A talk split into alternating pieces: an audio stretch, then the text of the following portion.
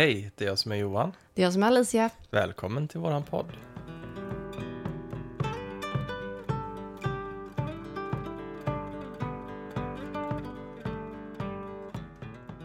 Du, Johan, jag har tänkt lite på att det är ju augusti. Mm. Skolorna har börjat nu. Ja, Och eh, ja, det vet, ju- det vet ju vet du. Jag. Eh, men jag hade alltid väldigt svårt när det var sommarlovet var slut och jag skulle tillbaka till skolan. Mm. Och för jag hade ju väldigt mycket panikångest i skolan. Mm. Det började i högstadiet, va? Ja, det började i nian Mm. och eh, varade ju hela gymnasietiden. Mm. Och därför vill jag gärna prata om ja, mina upplevelser av eh, panikångest, ångest, Mm. eh, panikattacker.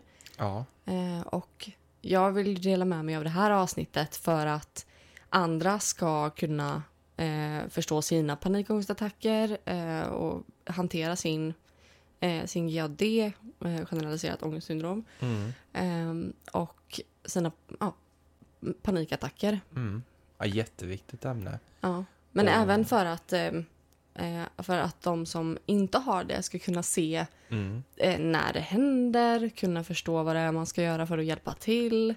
Lite tips och tricks för hur man kan hantera det, för både för den som har det och de runt omkring. Exakt. Ja, det är minst lika viktigt för dem runt omkring att förstå. Mm, Jag tänker på arbetsplatser och allting, att man inte ska behöva skämmas mm, om man får en panikångestattack eller ja. och att man är rädd att det inte ska finnas någon förståelse för det. Alltså jag kan ju säga så här, det känns ju som att få en hjärtattack och man är ju livrädd varenda gång det Mm. händer. Man tror ju verkligen man ska dö.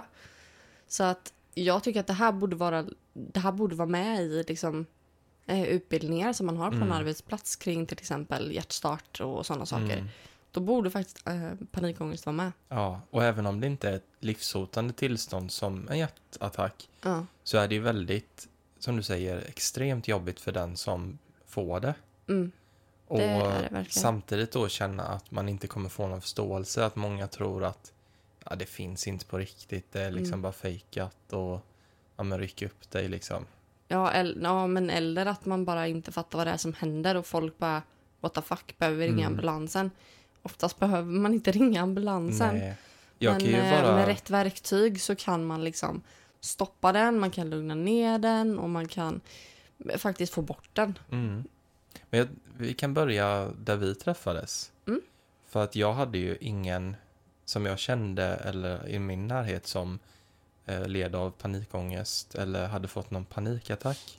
Mm. Så det var väldigt nytt för mig och du var ju väldigt ångestfylld när vi träffades. Gud ja. Det kom ju fram snabbt att du hade ju ångest mer eller mindre varje dag. Mm. Och jag försökte ju förstå så här, vad beror det på hela tiden? Eh, men vi hittade liksom ingen förklaring där och då. Nej. För jag är ju så här, ja men är det någon, en reaktion är det oftast ett problem i botten och då måste vi gå till botten med det och lösa det. Ja, och så är det ofta. Det är Mm. ju ett problem. Eh, det grundar ju sig i någonting. Mm. Eh, panikångest är ju inte en... Eh, det är ett symptom Mm. På något annat. Ja. Så kan vi säga. Ja. Eh, och att man får eh, generaliserat ångestsyndrom, eller Mm. GAD som det heter, GAD. Mm. Eh, det handlar ju också... För det mesta så handlar det om att man har till exempel ADHD i grunden, autism, eh, något, någonting. Eh, Mm. Social som är det i fobi grunden. kanske. Ja, social Ja. fobi. Nej, för jag minns att jag eh, frågade dig så här, vad, vad berodde det här på denna gången? Och Jag har ingen aning. Finns det Varenda någon- gång ja, jag finns det någonting- inte. jag kunde göra annorlunda för att förhindra det eller Mm. och jag googlade liksom vad är en panikattack och Mm. eh, jag var så här jag måste liksom hitta en lösning på det här men det fanns ingen enkel. Och kör vi lite quiz. Ja, Vad är en panikattack Johan? jag, tänk, ja, så jag vet ju inte exakt den vetenskapliga förklaringen bakom. Jag vet. Jag tror, får jag gissa? jag tror det har med eh, kemikalier att göra i, i hjärnan, signaler som Ja. blir liksom overloaded. Det här är ju fight or flight. Mm. Eller fly eller fäkta Mm. helt enkelt. Det här är ju från reptilhjärnan, från när vi skulle fly från farliga djur. Mm. Eh, så var vi tvungna att fly eller slåss, Mm. Helt enkelt. Så att det här är ju en enorm adrenalinkick. Mm. Alltså tänk dig att du ska slåss mot ett lejon. Mm. Hur hade det känts i kroppen? Du hade ju haft total panik. Ja, men det är det tillfället när du står öga mot öga med ett Ja. lejon liksom. Alltså jag tänker, tänk dig det läskigaste, du som lyssnar, tänk dig det läskigaste du har varit med om. Mm. Och sen så upplever du det på jobbet. Mm. Det händer liksom mitt framför dig, men det händer inte. Mm. Det, känslan är där, men det händer ingenting runt dig. Nej, ingenting Det är utomstående. väldigt svårt att förklara. Och det är nog därför många är så här, de tror att det inte är på riktigt. För att man Ja. ser inte den här faran eller vad det är som Jag har framkallar det. aldrig faktiskt stött på förutfatt, alltså någon har haft förutfattade meningar om panikångest, att Mm. det inte finns. Mm. Jag tycker att folk har varit väldigt fina kring det. Jag har Ja. aldrig stött på någon som bara, nej men du hittar bara på. Ja, men det är ju skönt. Mm.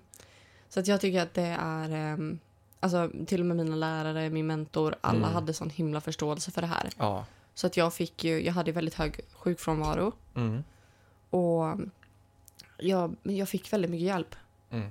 Och jag fick ju faktiskt förlängt eh, så att jag fick ha så mycket sjukfrånvaro eh, utan att tappa mitt CSN. Ja. Ja, det var ju jättebra Mm. att du fick den, den hjälpen och förståelsen så gott de kunde göra för dig. Och sen var det ju då när du väl fick de här panikattackerna, Mm. men då visste du ju faktiskt hur, hur jag kunde hjälpa dig på bästa sätt. Ja, Och det gjorde jag. det var väldigt skönt att veta att du liksom kunde tala om för men eh, när jag får en panikattack så kan du göra si och så. Eh, och jag tänker det är lite det vi ska prata om idag. Ja, det, jag vill jättegärna dela med mig av de sakerna för att det är saker som faktiskt funkar. Mm. För det finns så himla mycket bullshit där ute. Ja, Men... du var eh, inne på TikTok nu och kollade lite vad folk säger. Ja, jag bara såhär, ja men undrar om det finns något tips som jag inte har hittat så kan Ja. jag fylla på lite och köra lite extra tips här. Ja, Men nej, nej. nej fan så mycket bullshit. Ja men andas djupa andetag. Man bara, men ja men det går ju inte, det ju, tar ju stopp för fan. Mm. Alltså för, ursäkta språket men det tar stopp. Alltså jag- jag, jag får ju inte ner mer, mer luft än kanske, Nej men du visade ju mig Alltså- hur det var. Och det var ju att jag typ skulle ligga på rygg och andas i ett sugrör medan du typ satt på mitt bröst. alltså det är fruktansvärt. Ja. Man får inte ner luften. Och då är det inte så himla lätt att djupandas. Nej, det, det är väldigt svårt. Och En folk annan- som eh, börjar hyperventilera, Mm. eh, så kan det ju vara att man verkligen så här andas snabbt så. Mm. Men för mig så blir det mer som att det tar stopp. Jag får inte ner min luft. Mm, det låter Det blir som ett lock. Det låter som att du hickar typ. Ja, Mm. nästan så. Alltså om- man tänker sig att man har tappat andan. Om man har hört någon göra det någon gång. Eller man själv har gjort det. Ja. Som att man har fått en spark i Mm, bröstet. Och så, Exakt. eller eller landat på rygg och bara... Mm. Det är väldigt läskigt i alla fall att vara med om det. Både för den Mm. som upplever det och för den som står vid sidan av. Vilket börjar vi med då? Den som står vid sidan av. Ja, om du ser någon som hyperventilerar, eh, chippar efter andan, Någon som ihop. ser väldigt virrig ut. Eller som ser väldigt eh, panikig Mm. ut. Det första som jag tycker att man ska göra är att gå fram och fråga om allting är som det ska. Om allting är okej. Ehm, och är det så att personen svarar nej, Mm. då kan man vara ganska säker på att det inte är okej. Eh, och det kan vara bra att... Alltså att om man som en person som har panikångest berätta det för alla runt omkring dig och ge dem tips. Eller be dem lyssna på ett poddavsnitt om någon som pratar om panikångest kanske. Mm. Ehm, så att de blir så hjälpta de kan i det här också. Och så Mm. att de vet att du har det. Eh, sen så tycker jag absolut att man ska gå fram om det är en främling som står och inte mår bra. Ja, Då alltid. tycker jag man, man ska alltid gå fram. För Mm. att du hade velat att någon hjälpte dig. Mm. Eh, och när det kommer till panikångest, det är så fruktansvärt otäckt. Så att man behöver hjälp. Och just det att det är som du säger utlämnande och Mm. eh, man vill kanske inte bara att folk ska gå förbi en och vara rädda för en liksom. Nej. Vad det är som händer. Nej, alltså, man går ju fram om någon får en hjärtattack. Man Mm. går ju fram om någon faller ihop. Och det är Mm. det man gör när man får panikångest. Mm. Det första man kan göra i alla fall, det är att sätta personen ner. Du måste sitta ner. Mm. Jag har svimmat flera gånger när jag har haft panikångest. Du slår i huvudet stenhårt och du kan spräcka skallen och dö. Mm. Det är så pass illa. Så att sätt personen ner. Om du är medveten själv och har panikångest, sätt dig ner. Eh, för att det, det skit i om du sitter mitt, mitt på en trottoar eller mitt i stan eller Mm. inne på ICA, sätt dig ner. Mm. För att det är inte värt att du slår sönder skallen för, för att det är pinsamt att sätta sig ner. Nej. Det är inte värt. Eh, sen så tycker jag att eh, om man är person som är eh, utomstående så, så har jag lite tips. Eh, det första är att eh, alltid försöka se om personen är medveten om att den har en panikattack. Om den, är, om den ser dig, om den hör dig, Kan svara på någon Eh, enkel fråga. om den kan svara liksom. Ehm, en sak som är superbra för mig personligen. Det här funkar inte för alla. Man kan testa om man har panikångest eller testa om man har närstående panikångest. Det är att lugna ner eh, det centrala nervsystemet. Och det gör vi genom tryck. Mm. Det är därför många med panikångest har tyngdtäcke Just det. till exempel. Mm. Eh, är man ute på stan så kommer man antagligen inte att ha med sig ett tyngdtäcke. Nej. Så att man kanske har med sig en, eh, som jag, är eh, lite, eh, lite kort och lite mindre. Du är eh, ganska lång, eh, ganska mycket större. Så att eh, det är bra om man är liten att ha med sig en stor person. Men en liten person kan också hjälpa. Eh, jag brukar säga åt dig att lägga din, eh, min rygg mot ditt bröst. Mm.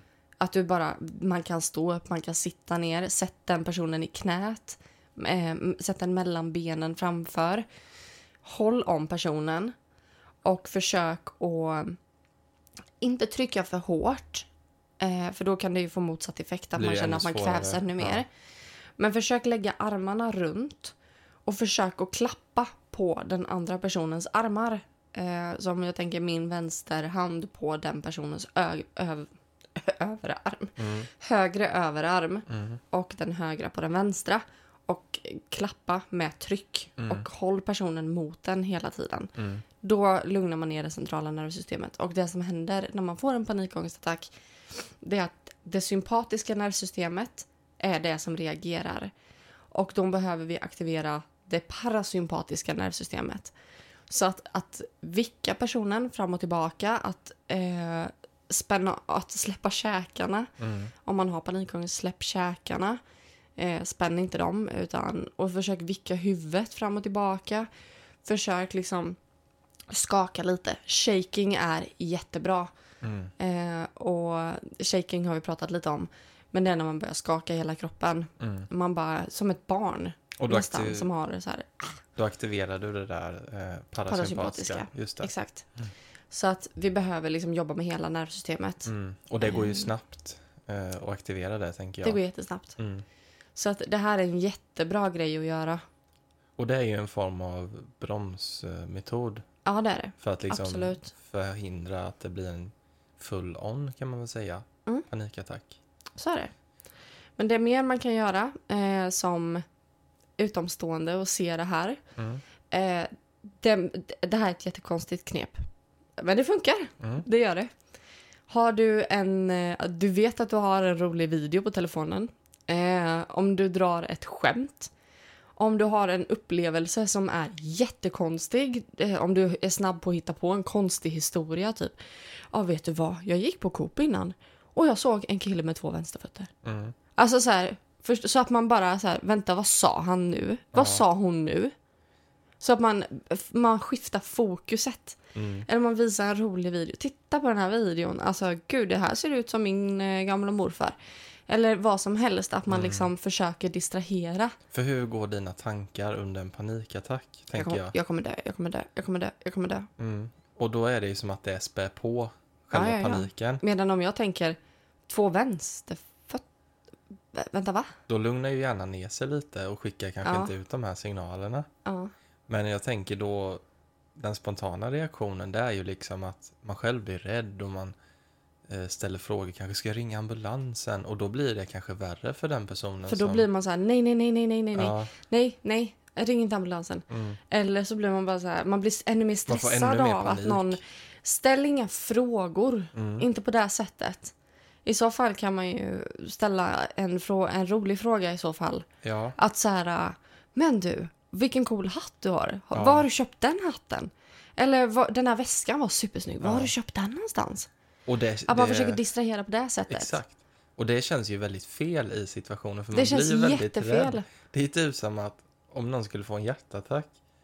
eh, Vill du ha en banan? Ja, man, Alltså, ja, man blir ju så. Man reagerar ju på samma vis. Så här, Oj, det här är livshotande. Kommer du överleva? För det ser man ju själv utomstående. men börja alltid med att Mm. Börja prata om annat. Mm. Börja göra annat. Andas lugnt med personen. Mm. Det man kan göra om, man inte, om, man, om det är en kollega på jobbet eller en främling som man kanske inte vill sätta i knät och krama. Eh, då, då kan man alltid eh, sätta handen uppe vid, eh, vid nacken och sen dra den ner mot, eh, mot ryggslutet och sen upp igen. Och sen långsamt så upp och ner i den takten Mm. man ska andas. Just det. Och sen andas lugnt med i samma takt som du gör det, även om du pratar. Mm. Du kan alltid andas i den takten ändå. Mm. Och be personen att fokusera och ta ett lite djupa andetag emellan. Ja. Och det minns jag när jag höll om dig. Ja. Att jag försökte verkligen andas jättedjupt och långsamt. Det hjälpte mig jättemycket, så att du säga. skulle, för då kände du ju min bröstkorg hur den reste sig och så. Att du kunde, Mm. hitta, Det blev mer naturligt för mig. ja, du kunde hitta till det. Mm. Eftersom att min egen andning inte funkar så behöver jag ju Mm. hjälp. Ja. Mm. Men det här är lite första hjälpen, typ. Ja, det är lite första hjälpen Ja. eh, mot panikångest Ja. faktiskt. Har vi några mer tips? Ja, eh, jag har ju lite tips eh, till för dig. Mm. Och som man kan göra själv. Eh, tips för dig. Tips som Mm. man kan göra för dig som är utomstående. Eh, och tips för den som har panikångest. Mm. Ett annat tips det är ju, alltså nu pratar vi om att distrahera här. Mm. Och att lugna ner. Eh, en sak man kan göra det är att eh, skölja händerna i iskallt vatten. Har man en isbit, ge den till personen och tvinga den att hålla i den. För då fokuserar vi på att oh shit vad det är kallt istället för gud jag kan inte andas. Det blir ingen värre panik av det liksom. Nej, Nej. exakt. Utan det är en väldigt bra grej. Och helst då båda händerna eh, och handlederna. Mm. Så det är jättebra om man har ett handfat och kan spola direkt på handlederna så att det rinner ner för händerna. Mm. Det är ett jättebra tips. Mm. Det är det verkligen. Så att det är en sån grej som, eh, som jag har blivit väldigt hjälpt av. Mm. Eh, Det också lugnat ner mig efter panikångest faktiskt. Mm. Så har man inte tillgång till kallvatten eller is så kan det vara bra att bara... Alltså säg att man är inne på Ica, men spring och hämta en iskall dricka som står i kylen och håll den mot handlederna bara. Just det. Det är också en sån där grej. Mm. Eller om man är på jobbet så kanske man har ett kylskåp till matlådor eller Mm. en frys. Eh, Det finns säkert något gammalt halvätet glasspaket på jobbet också. Mm. Så det är bara att ta det och lägga det eh, på handlederna. Mm. Så att det finns saker man kan göra och man får vara lite snabbtänkt Mm. helt enkelt. Eh, men det här är ju någonting som man kan göra självklart om man har panikångest också. Gå och skölj handlederna om du känner att du börjar bli stressad. Att det börjar hända saker i kroppen. Du känner att det börjar bli lite jobbigt att andas. Mm. Eh, gå och skölj handlederna. Testa det i alla fall. Mm. Sen finns det, det olika saker funkar för alla. Så är Ja, det. och det är ju säkert olika eh, upplevelser för alla som har panikattacker med, tänker jag. Absolut. Alla kanske inte ser likadana ut. Nej, och jag tänker också det här är man själv hemma till exempel. Mm. Om man inte har någon som kan hjälpa till att eh, lägga tryck på bröstet till exempel. Eh, lägg dig på, eh, på dina egna armar, på mage, på golvet. Mm. Eh, för då känner du att du får det här trycket ändå över, över kroppen. Och sen har du tyngdtäcke så är det jättebra. Gå och lägg dig en sväng i sängen. Det är jättebra. Mm. En annan grej som man kan tänka på när man eh, är personen som har panikångest. Det är att har man en väska eller fickor, ha alltid med dig surt godis. Mhm. För har du surt godis, alltså, då ska det, nu snackar vi inte någon liten eh, sur rem här. Nej. Nu snackar vi de här jäkla, vad heter de? Kryptoniter typ. Nej, alltså Nej. ännu värre. Det finns såna här supersura som är så här varning, alltså det är något så här Mm. varningstecken typ. Ja, jag vet Hazard eller någonting. Ja. Alltså nu snackar vi surt godis. Mm. Ehm, det, det funkar också för att distrahera från det som händer. Mm. Ehm, det är bra. Många av de här tipsen, det, är det handlar ju just om att avleda och Ja. distrahera. Så det, det är bra att veta liksom att eh, har man någonting som man kan distrahera eller avleda med så brukar det ju få effekt. Ja. Mm. Och sen finns det ju så här fidget spinners, fidget, massa toys och grejer. Mm.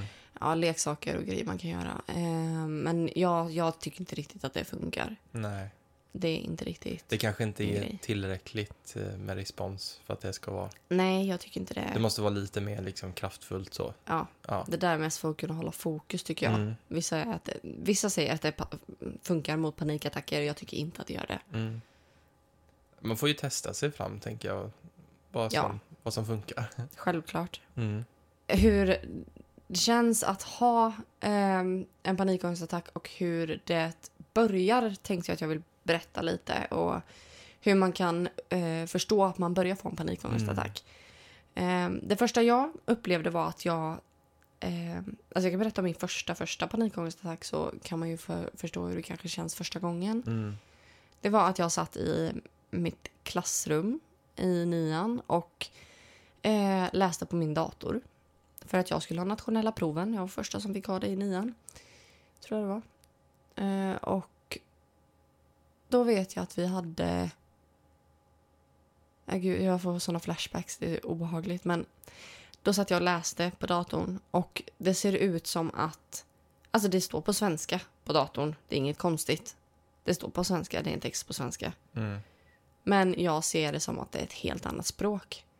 Jag ser bokstäverna klart och tydligt men jag förstår inte vad det är som står där. Det är som att någon har översatt det till, jag vet inte vad, Mm. holländska, jag fattar ingenting. Var det typ som att få tillfällig dyslexi eller? Alltså det var, ja det är nog så jag skulle kunna tänka mig att dyslexi Mm. känns. Mm.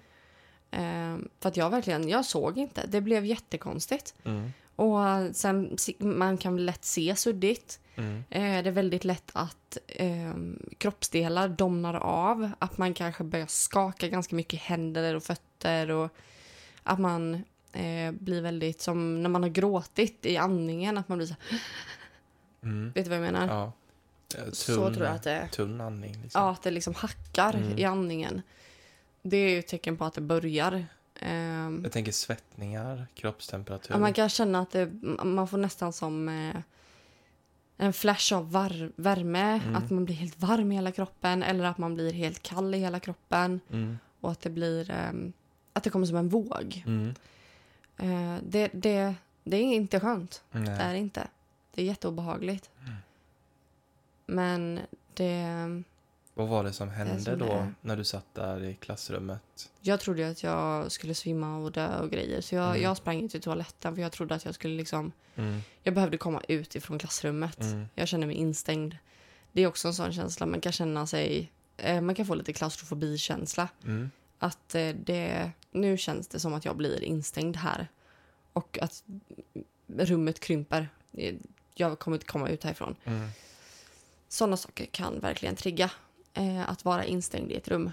Eh, så jag skulle säga typ, kan du så gå ut eh, och sätt dig. Helst kanske inte. Jag hade inte kunnat gå ut bland folk.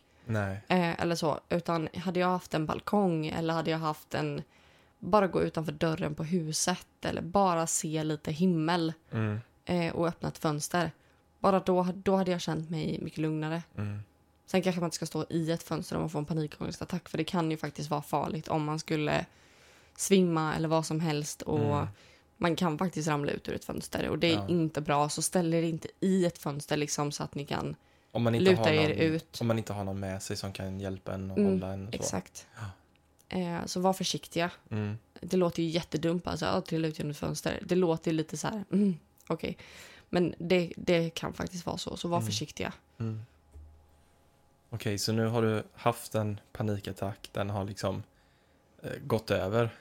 Mm, avtagit, ja. Ja, hur känns det efteråt?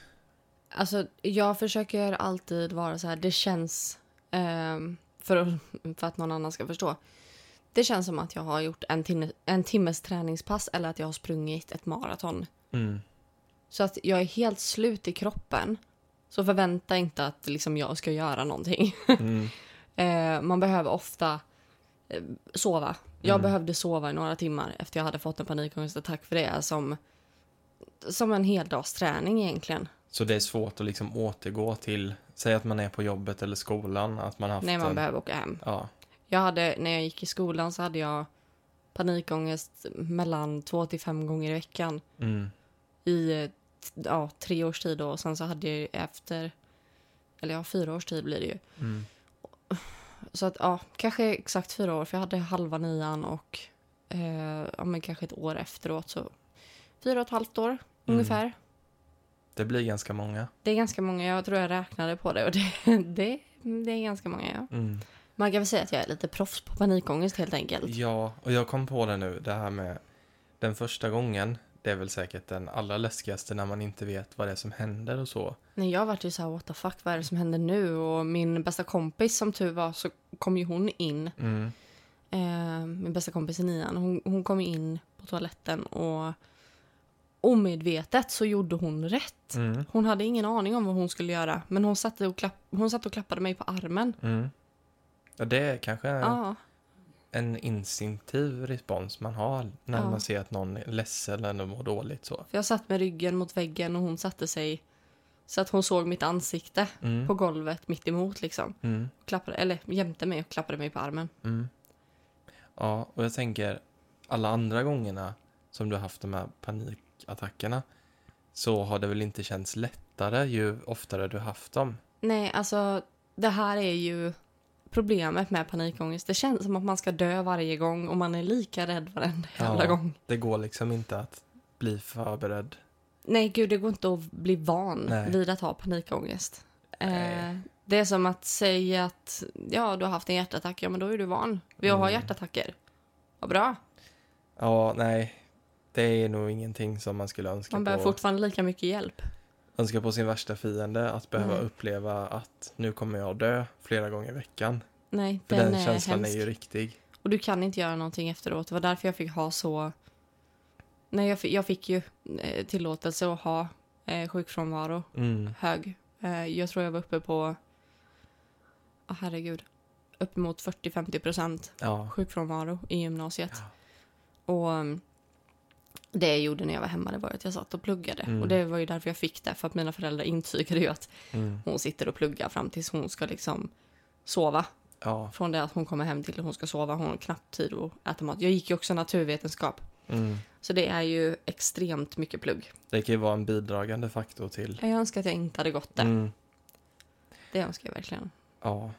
Och där tänker jag väldigt viktigt att man talar om för alla som man har runt omkring sig eller om man är på en arbetsplats eller i skolan att det är inte bara själva attacken och sen när den har släppt att man kan återgå som det klart. vanligt. Nej. Utan att man förklarar då hur, hur man eh, behöver eftervård eller liksom Ja. För alla kanske det inte är så att man behöver vila en dag. Men Nej. för de som känner att man har det, då ska man ju inte behöva skämmas. Och om någon säger, ja men nu kan du återgå och så ska man tvinga sig själv igenom det. Det funkar ofta inte så. Nej. En annan sak som är lite som folk inte pratar jättemycket om kring panikångest men det är viktigt att veta. Mm.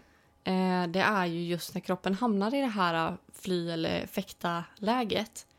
Eh, om du säger att du ska göra dig redo att springa ifrån ett lejon. Mm. Du kommer behöva springa snabbt. Du kommer behöva springa länge.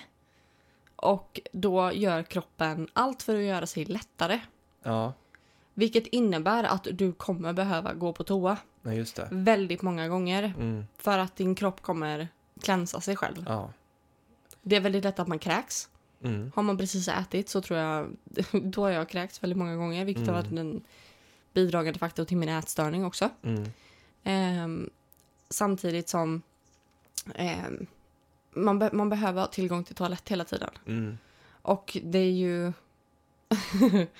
det är därför folk inte pratar om det. För det blir lite så här, hur pratar jag om det här?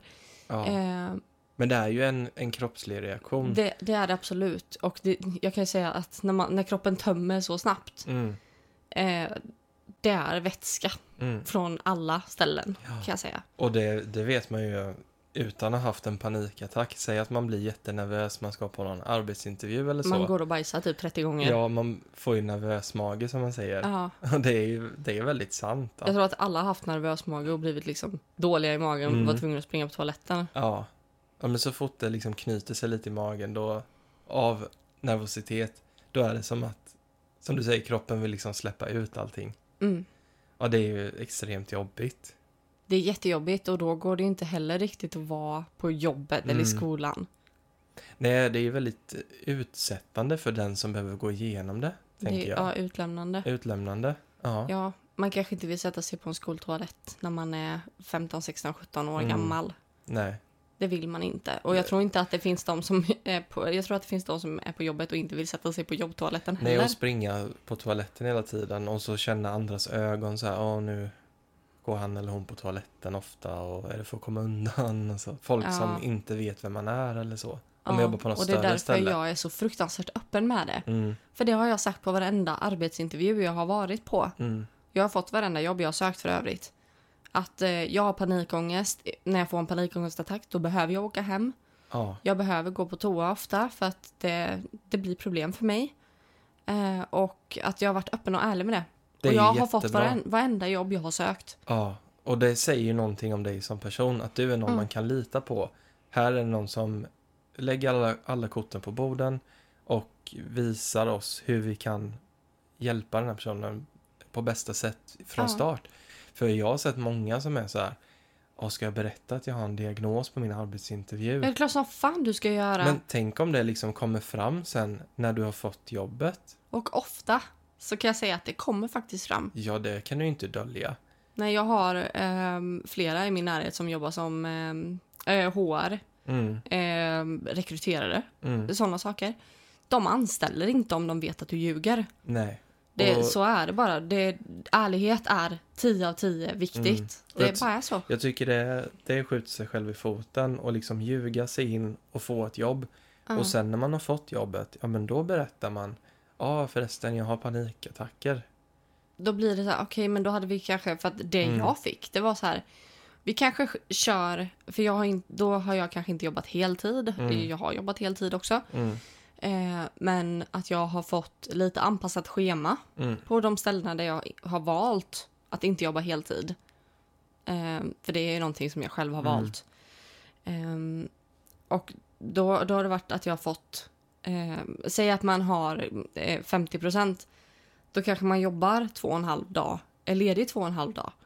Medan jag har jobbat varje dag, men Mm. jag har jobbat mindre varje dag. mm, Så att det inte ska bli för mycket. exakt. Det blir mycket lättare för din chef till exempel att veta från början vem som man anställer Ja, ja, ja. och kunna anpassa och sen eh, ska man ju veta det att man får ju faktiskt inte liksom neka någon på grund av en diagnos för då blir Mm, Nej, det det man diskriminering. göra. Det är Man- diskriminering. Man har skyldighet att anpassa så mycket man kan. Men då är det ju viktigt att den personen som har diagnosen är ärlig med det från början. Ja. Det blir inte så lätt att komma med det en till två månader in när det börjar bli för jobbigt. Eh, när det uppstår massa problem på grund av det. Nej, då har man... Eh, man har svikit ett förtroende från exakt. arbetsgivaren. Och då kan man inte förvänta sig att få det tillbaka på samma sätt som om Mm. man kommer från början. Men det är väl just att man är rädd för att bli nekad en plats för att man har svårigheter. Men då är det också så här, vill du verkligen vara på det företaget då? Nej, det vill man ju inte. Om du inte får vara den du är, om du inte kan få den hjälpen som du behöver. Mm. För du är en människa. Ja. Du är mer än en anställd. Mm. Du är en människa också. Och- Och ett företag ska ta hand om sina anställda. Ja. De har skyldighet att göra det. Oavsett om du har en diagnos Mm. så vet vi att du kan ju vara grym, en grym tillgång till företaget Ja. som anställer dig. Ja, och är det ett företag som, eh, som inte vill ha dig där på grund av att du har en diagnos eller på grund av att du har panikångest, Mm. fuck dem! Då väljer du något annat. Då, vad är det för jävla skitföretag? Exakt. Usch! Skäms på dem. Ja. Ja, Du ska aldrig skämmas för att du har en diagnos. nej skäms Eller på dem, inte på dig. Mm. Usch. Nej, det måste man se förbi, tänker jag. Ja, och det där är ju någonting som... Det är därför jag vill föreläsa om de här Mm. sakerna. Det är därför jag vill föreläsa om diagnoser. Som... Nej, jag gör med den föreläsningen som jag har. Mm. Ehm, från... Nej men gud. Från eh, utbränd till egenföretagare, är det va? Ja. Ja. Jo, exakt så. Mm. Men gud, jag hade tappat namnet helt. jag är sämst. Ehm, nej, för där vill jag ju ut i skolor och föreläsa. Jag vill ut på arbetsplatser och föreläsa. Och har man ett företag som man jobbar för eller om man känner att det här hade behövts eh, så kommer jag jättegärna ut och föreläser. Mm. Och du eh, känner dig bekväm nu med att stå inför folk? Det hade jag aldrig känt när jag hade så här mycket panikångest. Nej. Men nu känner jag mig... Jag, alltså, det är så otroligt givande Ja. att föreläsa om de här sakerna. Det är Mm. helt fantastiskt. För du vet ju att du hjälper så många så att det... Gud, ja. Och Det det är så många det. som eh, hört av sig bara på Instagram Mm. och skrivit hur viktigt det är att jag pratar om det här och hur relaterbart det är för dem. Mm. Men att de inte har vågat gå ut med det själva också. Mm. Det behöver vi ändra på. Det behöver vi Man ska verkligen. inte skämmas över det här och det är någonting man ska våga prata om. Mm. En annan sak jag insåg nu det är att vi inte har kanske gjort så stor skillnad på panikångest och panikångestattack. Ja, Ska vi bara ta panikattack. lite... Ja, just det. Ska vi ta lite enkelt bara och förklara skillnaderna där? Vad är panikångest? Alltså, jag, jag brukar dela upp det, jag vet inte om alla gör så här, men jag Mm. brukar dela upp det i panikångest, panikångestattacker och panikattacker. Mhm. Panikångest är, eh, eller det är ju GAD Mm. egentligen. Det kallas ju för ångest. Är det typ Ehm. eh, ett längre tillstånd av ångest? Alltså det är ju, GAD är ju en diagnos Mm. där man lider ångestsyndrom Mm. egentligen. Att man har eh, ångest väldigt ofta eller väldigt lätt. Mm. På samma sätt som att man har depression. Just det. Och eh, det, är, det är definitionen av panikångest kan man väl säga. Ja, eller ångest. Ja, mm. Ja. Och sen hade du panikångestattack. Ja, och det är ju... ehm, jag börjar med panikattack istället. Mm. En panikattack är ju det vi har pratat om nu. En, när det smäller till, Mm. eh, en, panikång, eller en panikattack kan ju vara i eh, ja, men två till, den längsta jag har haft är 20 minuter. Mm. Och då är det hyperventilera, hög puls, eh, skakningar, det är svimningar, eh, massa sådana saker. Mm. Och att man känner att man inte kan andas. Mm. Ehm, så att det, ja, det är en panikattack. Det är den här kroppsliga reaktionen. Den, kro- med, den starka kroppsliga reaktionen på det här fly eller fäkta. mm, det fysiska liksom. Exakt. Och sen så brukar jag definiera en panikångestattack Mm. som eftersom att jag har panikångest, Mm. det är det jag lider av, att jag får panikångestattacker. Mm. Så att jag har panikångest Mm. Hela tiden. Det är, en, det är vad jag väljer att kalla den här sjukdomen. Mm. En panikångestattack brukar jag se som en längre period. Eh, säg att jag får panikångest en, en, eller en panikattack. Eh, och sen så är det en period runt den här panikattacken som jag brukar kalla för en panikångestattack. Mm. Den kan hålla i sig i två dagar. Att man är trött, man, man kanske har lättare att få en panikattack Mm. eh, under de här två dagarna. Det man kanske blir trött, man känner mer ångest än vanligt. Mm. Det kan bli jättejobbigt att bara ställa sig upp. Mm. Massa sådana saker. För det vet jag att jag hade väldigt svårt i början att se skillnaden på eh, när du sa panikångestattack och att du sa att den kan hålla i sig i en dag. Ja. Jag fattade inte. För Bara mitt, fast du har ju bara en panikattack i, ja, i, i fem minuter, tio i, ja, minuter. I mitt huvud så var det bara det jag kunde se fysiskt. Och sen det som var liksom innan och efter. Ja, men säg då att du har sprungit från ett lejon. Mm. Det är klart som fasen att du kommer vara trött efteråt och att du kommer vara väldigt så här jumpy. Att du kommer Mm. bli lite mer på din vakt. Ja. Och det är ju det nervsystemet gör egentligen. Då är ju nervsystemet med på sin vakt. Mm. Det jag kan säga då är att man kanske inte ska till exempel eh, ge sig ut på stan. Ja. Man kanske inte ska eh, titta på actionfilmer med mycket pang-pang höll jag på att säga. Men med mycket eh, skräckfilmer till exempel med Mm. jump scares. Mm. Eh, ta det lite försiktigt med sådana saker. Mm. Eh, och liksom försök ta det lugnt och kanske ja, att man som partner eller som om man bor ihop att försöka att inte smälla i dörrar eller göra plötsliga höga ljud Mm. eller ja, att man är lite mer att man hörs vart man är så att man inte blir rädd om man kommer Ja. in eller Exakt. stöter på varandra så, så att man, man inte triggar. Mm. En annan superviktig sak som jag tycker vi borde prata om. Mm. Det är att du hade ju en period där du började få panikattacker och panikångest. Mm. Men innan dess så hade du inga. Mm. Och nu har du inga heller. Nej, Så det beror ju på någonting. det beror på någonting absolut. Ja. Jag har alltid varit väldigt orolig Mm. dock. Eller väldigt så här brydd Mm. om min omgivning och så här alltid varit lite så här mm, vad händer nu? Ja. Lite, lite, lite ångestfylld. Katastroftänk. Katastroftänk 100%. Mm. Alltid katastroftänk. Mm. Jättejobbigt. Mm. Men ehm, vad var frågan? Ja, men att det fanns en lösning just för dig. Just att det. bli av med... Men min lösning är så jävla hjärndöd så det finns inte. Alltså, jag kan ju ta det från början då. Men det är ju min, mina diagnoser. Mm. Jag förstod inte mig själv. Nej. Förstår man inte sig själv, gå till en coach, gå till en psykolog, gå och prata med någon. Få din diagnos på papper om du misstänker att du har någon och du har panikångest. Mm. Det kommer försvinna. Mm. Jag minns hur snabbt det gick bitvis. Ja. Från det här att du hade flera gånger i veckan. Bara det att... Eh, Till att jag fick typ en gång i veckan. ja, men det räckte ju med... Och jag var helt, Ja. vi var helt chockade. Ja. Att så här, gud. Bara jag fick veta att jag kanske hade ADHD Mm. och att jag hade fått en utredning. Mm. Det lugnade ner sig redan där. Och att du insåg att du inte var ensam. Du Mm. började få kontakt med andra som hade samma... Jag kommer ihåg Symptom. din, din klasskompis på högskolan kom hem till mig. Ja. För att jag misstänkte att jag hade ADHD. Hon hade fått sin ADHD-diagnos. Mm. Och jag bara så här, det är ingen i hela världen som känner som jag gör. Mm. Åh, drama queen. Ja.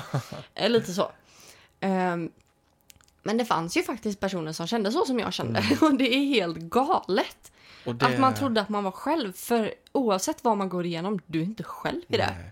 Man tror ju att det är så fucked up. Att man Ja. bara, ingen annan kan vara så här opassande på så många sätt liksom. Ja, det är ingen som kan vara så här oförstådd. Nej. Det är ingen som kan vara så här ledsen varje dag. Nej. Det är helt sjukt. Och sen visar det sig att det är hur många som Ja, helst. det är hur många som helst. Och det är därför jag pratar så mycket om det. För att jag är så här, den som är ensam nu, den som känner sig ensam nu, Mm. den ska fan inte behöva känna så. Nej. För det är den värsta känslan i hela världen att vara så ensam. Jag blir typ lite tårögd nu. Ja. Men det är den värsta känslan i hela, i hela världen. Och jag tänker skrika det här från fucking hustak. För att det är ingen som ska känna att det här är fel. Det är ingen som ska känna att den är ensam i det här. Nej. För det här, det här är det värsta jag gått igenom i hela mitt liv. Mm. Att tro att man ska dö två till fem gånger i veckan. Och att lösningen på det är så enkel. Att bara liksom Få hjälp. Ja, exakt. Stort tack till eh, min klasskompis som var lite osjälvisk och tog sig tid att åka hem. Hon hade ju en bit att åka till oss. Ja, gud, det var någon timme. Men hon satt med dig och liksom förklarade. Gick igenom sin utredning. Hon Ja. hade med sig alla sina papper. Mm, Tack Felicia. tack. Och vilken stor skillnad det gjorde, bara det. Ja, Och eh, det var guld värt för mig. ja, det var ju det första steget. röd. Ja, men det är väldigt känslosamt. Och Det det, det får det vara. Det är en stor del i ditt, eh, din väg framåt. Ja, verkligen. Mm. Men sen att du men, hittade rätt vård och fick eh, en utredning. Mm. Eh, läste, vi läste ju på väldigt mycket. Vi började på egen hand ganska intensivt att läsa på. Eh, särskilt Ja. Lot- Lotta Borgs Skoglunds bok från Eh, Utbränd. duktig flicka Ja, till utbränd kvinna. den, både för mig och för dig, var ju så... Jag kunde inte ens läsa första, första där, Nej. första biten för att jag började gråta. Så jag fick liksom jag fick be dig att återge Ja. boken för mig för jag kunde inte läsa den, det ordagrant för att det var så jobbigt. Och jag lyssnade ju på den i min jobbarbil. Mm. Och jag bara, åh gud, det här stämmer och det här stämmer. Åh, vad mycket insikter. Och jag Ja. blir så här, alla anhöriga till någon som har misstänkt att de har ADHD eller har ADHD måste läsa den här boken. Mm. För den hjälpte så mycket. Och eh, jag är ju faktiskt utredd på Lottas klinik. Mm. i Stockholm, Ja. smart psykiatri. Och där är de ju väldigt professionella, snabba. Alltså de var extremt bra. Mm. Jag har aldrig blivit så bra bemött av vård. Mm. Aldrig någonsin. Och min sjuksköterska där, alltså Malin. Mm. Jag älskar Malin. Mm. alltså det var den bästa sköterskan jag haft i hela mitt liv. Mm. Och hon var så tillmötesgående, så flexibel och så jäkla snäll Ja. människa. ja. Bara det, alltså hon pratade så snällt med mig. Mm. Och sen var det ju en jätterolig sak. Mm. Eller rolig, men eh, så sjukt. Men du fick ju prata med en läkare där. Jag vet inte om det var under utredningen eller om det var när du skulle få din medicin. Mm. Men han, du berättade ju för han att du hade panikångest, panikångest och attacker. Ja, det var ju... Det var någon annan. Mm. Jag vet inte vart det var någonstans. Nej, och då sa Men ju han Sergej. något till dig. han sa ju något till dig. Ja, alltså då fick jag ju träffa Sergej. Mm. Eh, väldigt eh, speciell man. Mm, väldigt rolig. Eh, väldigt barsk. Mm. Men väldigt kul. Eh, och han sa till mig, eh, för jag bara, men jag har ju panikångest. Jag vet inte, det var någon screening eller någonting. Jag vet Mm. inte vad det var. Mm. Eh, bara, men jag har panikångest. Han bara, jaha, vad händer då då? Jag bara, nej men jag hyperventilerar, jag tror att jag ska dö. Jag, jag, vet inte, jag kan inte styra över det. Mm. Och han bara, du har inte panikångest. Jag bara, jo det har jag. Blir du typ kränkt? Jag blev jättekränkt. Ja. Och han bara, fast nu säger jag åt dig att du kan inte få en panikångestattack. Ja. Du kan inte få en panikångestattack. Mm. Och jag bara, vadå? Det, det är väl klart att jag kan få. Han bara, lyssna på mig nu. Du kan inte få en panikångestattack. Mm. Och jag bara, nähä? Och han bara, ja. Tänk på, varje gång du tror att du ska få en panikångestattack, kom ihåg att jag sa det här nu. Mm. Och varje gång jag började få en panikångestattack, jag bara, jaha, nu ska vi se. Sergej sa ju att Så jag inte... ekade hans Jävla ord. Sergej. Ja. Han sa att jag inte kunde få någon Ja. panikångestattack. ja. Och helt plötsligt så fick jag ingen panikångestattack för att jag tänkte att jag inte kunde få det. För du kunde liksom stoppa det. Ja men det är ju manifestation eller Ja. affirmation att jag kan inte få panikångest. Jag kan inte få För panikångest. vad är det som händer då? Man får den här initiella reaktionen och man Mm. tänker, åh gud, nu får jag en panikångestattack, nu får jag en attack. Och så spär man på det Ja. kanske. Eh, Ja shit nu kommer jag dö, jag kommer Ja. dö, jag kommer dö. och då förvärrar Fast man ju det. Sergej sitter i Stockholm och säger att jag inte kan få det. Ja. Det är så konstigt hur det Mm. funkar, den här psykologin bakom. Att matar jag mig själv med att jag kommer få det, Då är det ju det. då är det ju klart att du kommer få det. På samma sätt som att du säger jag har inte råd. Mm. Nej, då kommer du inte kunna köpa den här grejen. Men säger du däremot jag har råd, jag får det att funka. Mm. Ja men köp den då. Där är ett tecken på att tankar, du kan styra din Ja. fysiologi med tankar. Och det är, det här, det är därför jag jobbar som coach. Ja. För att vi måste, det är därför jag jobbar så mycket med mindset. Mm. För att när det här är mindset, fucking Sergej alltså. Mm. Han har lärt mig så mycket om mindset. Men det... Bara med en mening så lärde Ja. han mig så mycket om, om mitt mindset. Och jag, ja, exakt. Och det är ju en form av typ självhypnos. Ja, det är det verkligen. Eh, det, det kallas väl en suggestion på engelska. Mm. En sugges- suggestion. En suggestion. ja. Som man bara intalar sig själv. Typ som när du hade sömnproblem. Då testade du ju det med att bara, Ja, men det är det bästa tipset jag har till er som har svårt att sova. nu tillåter jag mig Jag själv. tillåter mig själv att sova. Ja. Jag är trött. Man talar om för Jag kroppen. får sova. För vad är det då oftast om man, känner, om man känner att man inte är trött? Vad är det för tanke som maler genom huvudet då?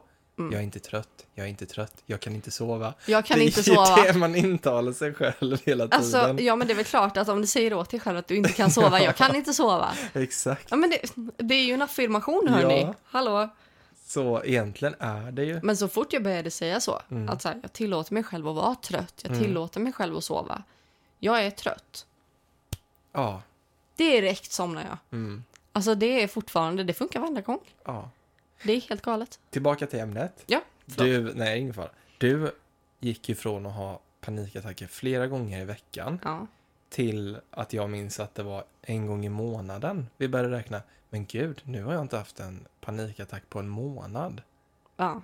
Och sen tror jag det var, Jag, jag tror att det var så här, jag har bara haft en panikångestattack den här veckan. ja, Först. Ja. Och sen så var det som bara, jag har haft två panikångestattacker den här månaden. Mm.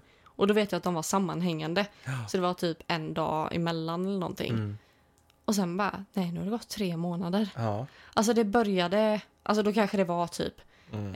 eh, ja, två månader jag hade en gång i veckan.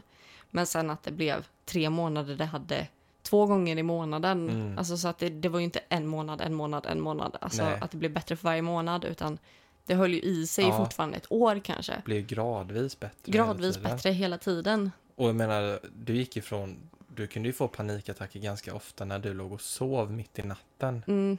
Mycket mardrömmar ju. också. Ja, till att bara ha det när du var vaken. Ja. Och till att bara få det när det var något, när det faktiskt var någonting riktigt som hade hänt. Mm. Som hade orsakat en väldigt kraftig reaktion hos dig. Det är också det att när man blir väldigt upprörd Mm. eller att det händer mycket. Mm. Då kan man eh, också bli triggad. Mm. när man får en kraftig känslomässig reaktion, Mm. oavsett om det är att jag blir asglad. Mm. Det är fortfarande att jag får hög puls och att min kropp får massa hormoner och dopamin och att jag blir väldigt, det blir väldigt mycket för kroppen att hantera när man blir så, när det blir så starka känslor. Mm. Och det, det kan trigga igång. Det Mm. kan det göra. Mm.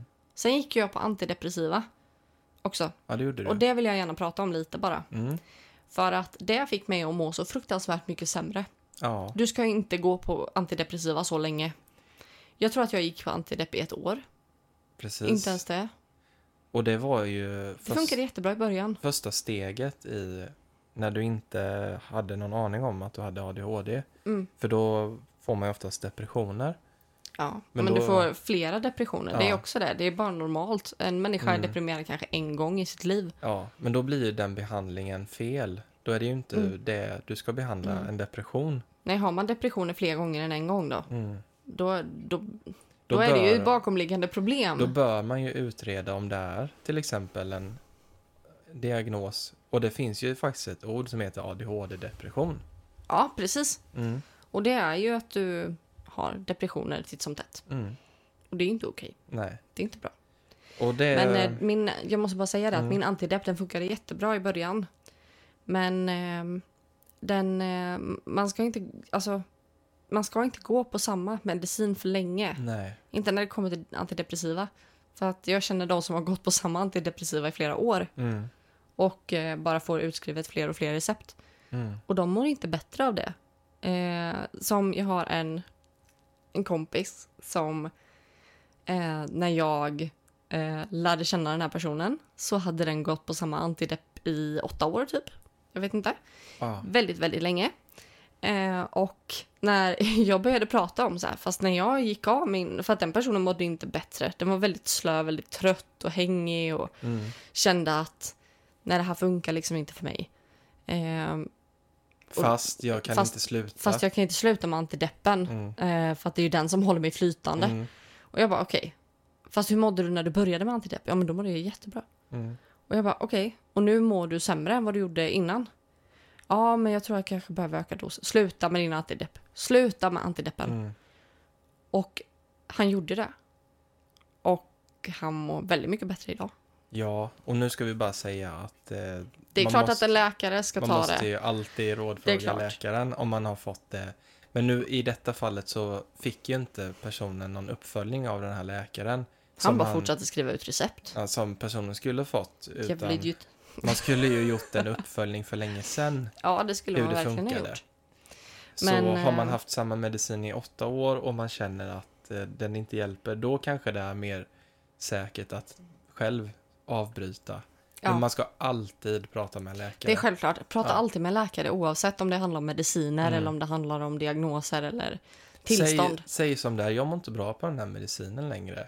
Mm. Måste jag ta, fortsätta ta den här? Varför har jag inte fått någon uppföljning? För att när jag märkte att, min, att jag inte mådde, att jag började må sämre och sämre Mm, igen och jag hoppade av min antidepp och Mm. jag mådde bättre än vad jag hade gjort innan. mm, Det är som att den ska...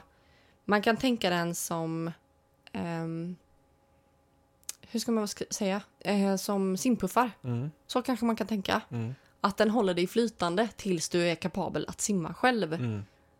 Då är det ganska eh, jobbigt att ha de där armpuffarna. Om ni är vuxen ålder sätter på er ett par armpuffar och försöker simma med dem. Då är de i vägen. Då är de ganska mycket i vägen. Ja. Så att det handlar om att de, du behöver armpuffar tills du... Eller tänk dig typ en jättetjock badring. Mm, Alltså den håller dig flytande, det är superbra.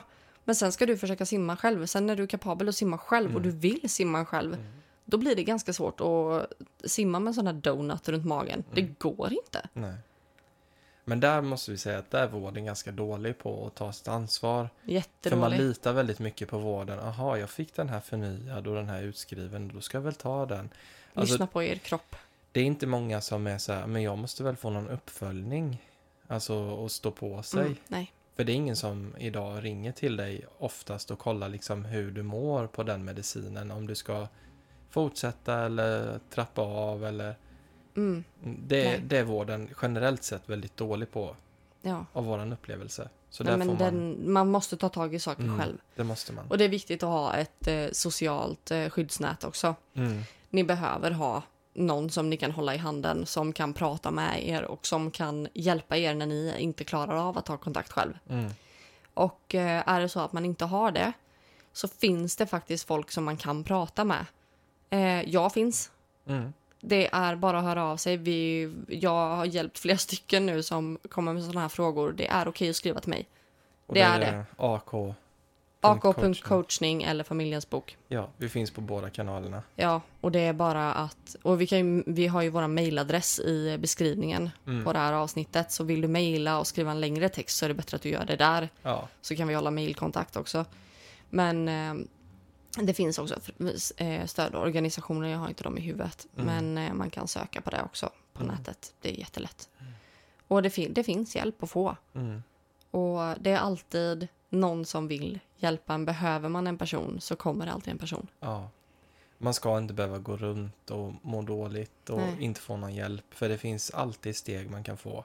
Ja. Även om vården inte finns behjälplig så kan man komma väldigt långt på att förstå sig själv, läsa på. Så som Var med i grupper på Facebook, det gjorde jag. Jag gick Känna- med i grupper på Facebook. Och, känna samhörighet. Det kan, Ja. det kan faktiskt hjälpa väldigt mycket. mm, Mm, nej, det, jag tycker det är någonting som är super. mm, Verkligen. Och jag tror att det vi har tagit upp nu här idag, mm, jag hoppas verkligen att det kan hjälpa någon. verkligen. Ehm, ja, Så som det hjälpte dig. så som det hjälper Men du mig. fick ju gå den hårda vägen. Ja, det fick jag verkligen göra. Och det vill vi ju inte att andra ska Det här tog göra. ju alltså tre år för mig. Mm, Ehm, ja, plus Gymnasietiden då, men själva utredningstid och allting Mm. tog ju tre år. mm, Ehm, och det var ju för ett år sedan. Var det ett år sedan jag fick bipolär? Nej. Gud, det var i Ja. början av det här året va? Nej, ett och ett halvt år sedan. Alltså det här med tidsuppfattning. Mm. Det är ju en helt annan. Alltså jag säger bara det. Tid är en illusion. Det går snabbt ibland. Det går väldigt snabbt. Mm, Det är konstigt. ja.